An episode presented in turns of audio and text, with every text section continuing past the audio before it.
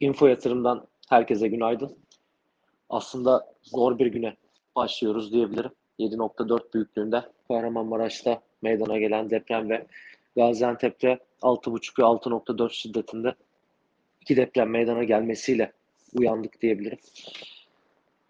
Yaralılara acil şifalar, hayatını kaybedenlere de Allah'tan rahmet diliyoruz. AFAD ekipleri tüm çalışmalarını sürdürüyor ve e, bununla alakalı da gelen haber akışlarında yakından takip etmeye devam edeceğiz diyebilirim.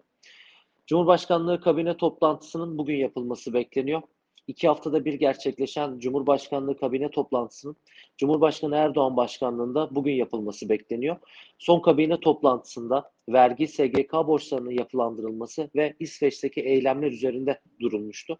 Bugün ise EYT, taşerona kadro, vergi affı ve Adalet Bakanlığı tarafından üzerinde çalışılan yargı paketinin masada olması bekleniyor. Bu hafta içerisinde yurt içi tarafta sanayi üretim ve işsizlik oranı açıklanacak.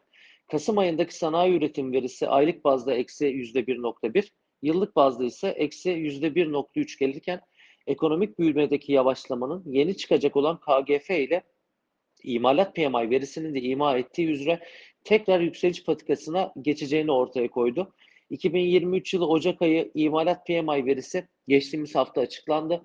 Eşik değer olan 50'nin üzerinde ölçülen tüm rakamların sektörde iyileşmeyi işaret ettiği sonuçlara göre Ağustos'ta 47.4, Eylül'de 46.9, Ekim'de 46.4, Kasım'da 45.7, Aralık'ta 48.1 olarak açıklanan imalat PMI 2023 yılının Ocak ayında 50.10'a yükselerek hem eşik değerin üstüne çıktı hem de ekonomik aktivitelerde toparlanma sinyali verdi.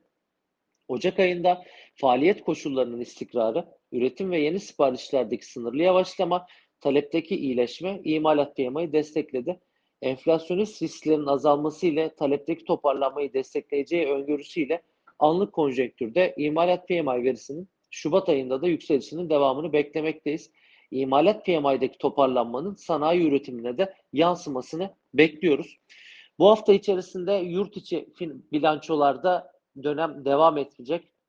2022 yılı son çeyreğine ilişkin finansallar da gelmeye devam ediyor. Talebin öne çekilmesi, parite kaynaklı ve enflasyon nedeniyle finansallar güçlü gelmeye devam ediyor. 2022 yılı ilk 3 çeyreğinde olduğu gibi azalan fonlama maliyetleri, komisyon gelirlerindeki ve faiz gelirlerindeki artış, tüfe endeksi borçlanma araçları kapsamındaki gelirlerin etkisi bu çeyrekte de finansallarda bankacılık tarafını ön plana çıkarıyor.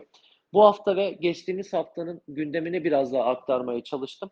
Herkese sağlıklı günler, bol kazançlar diliyorum. Esenlikle kalın.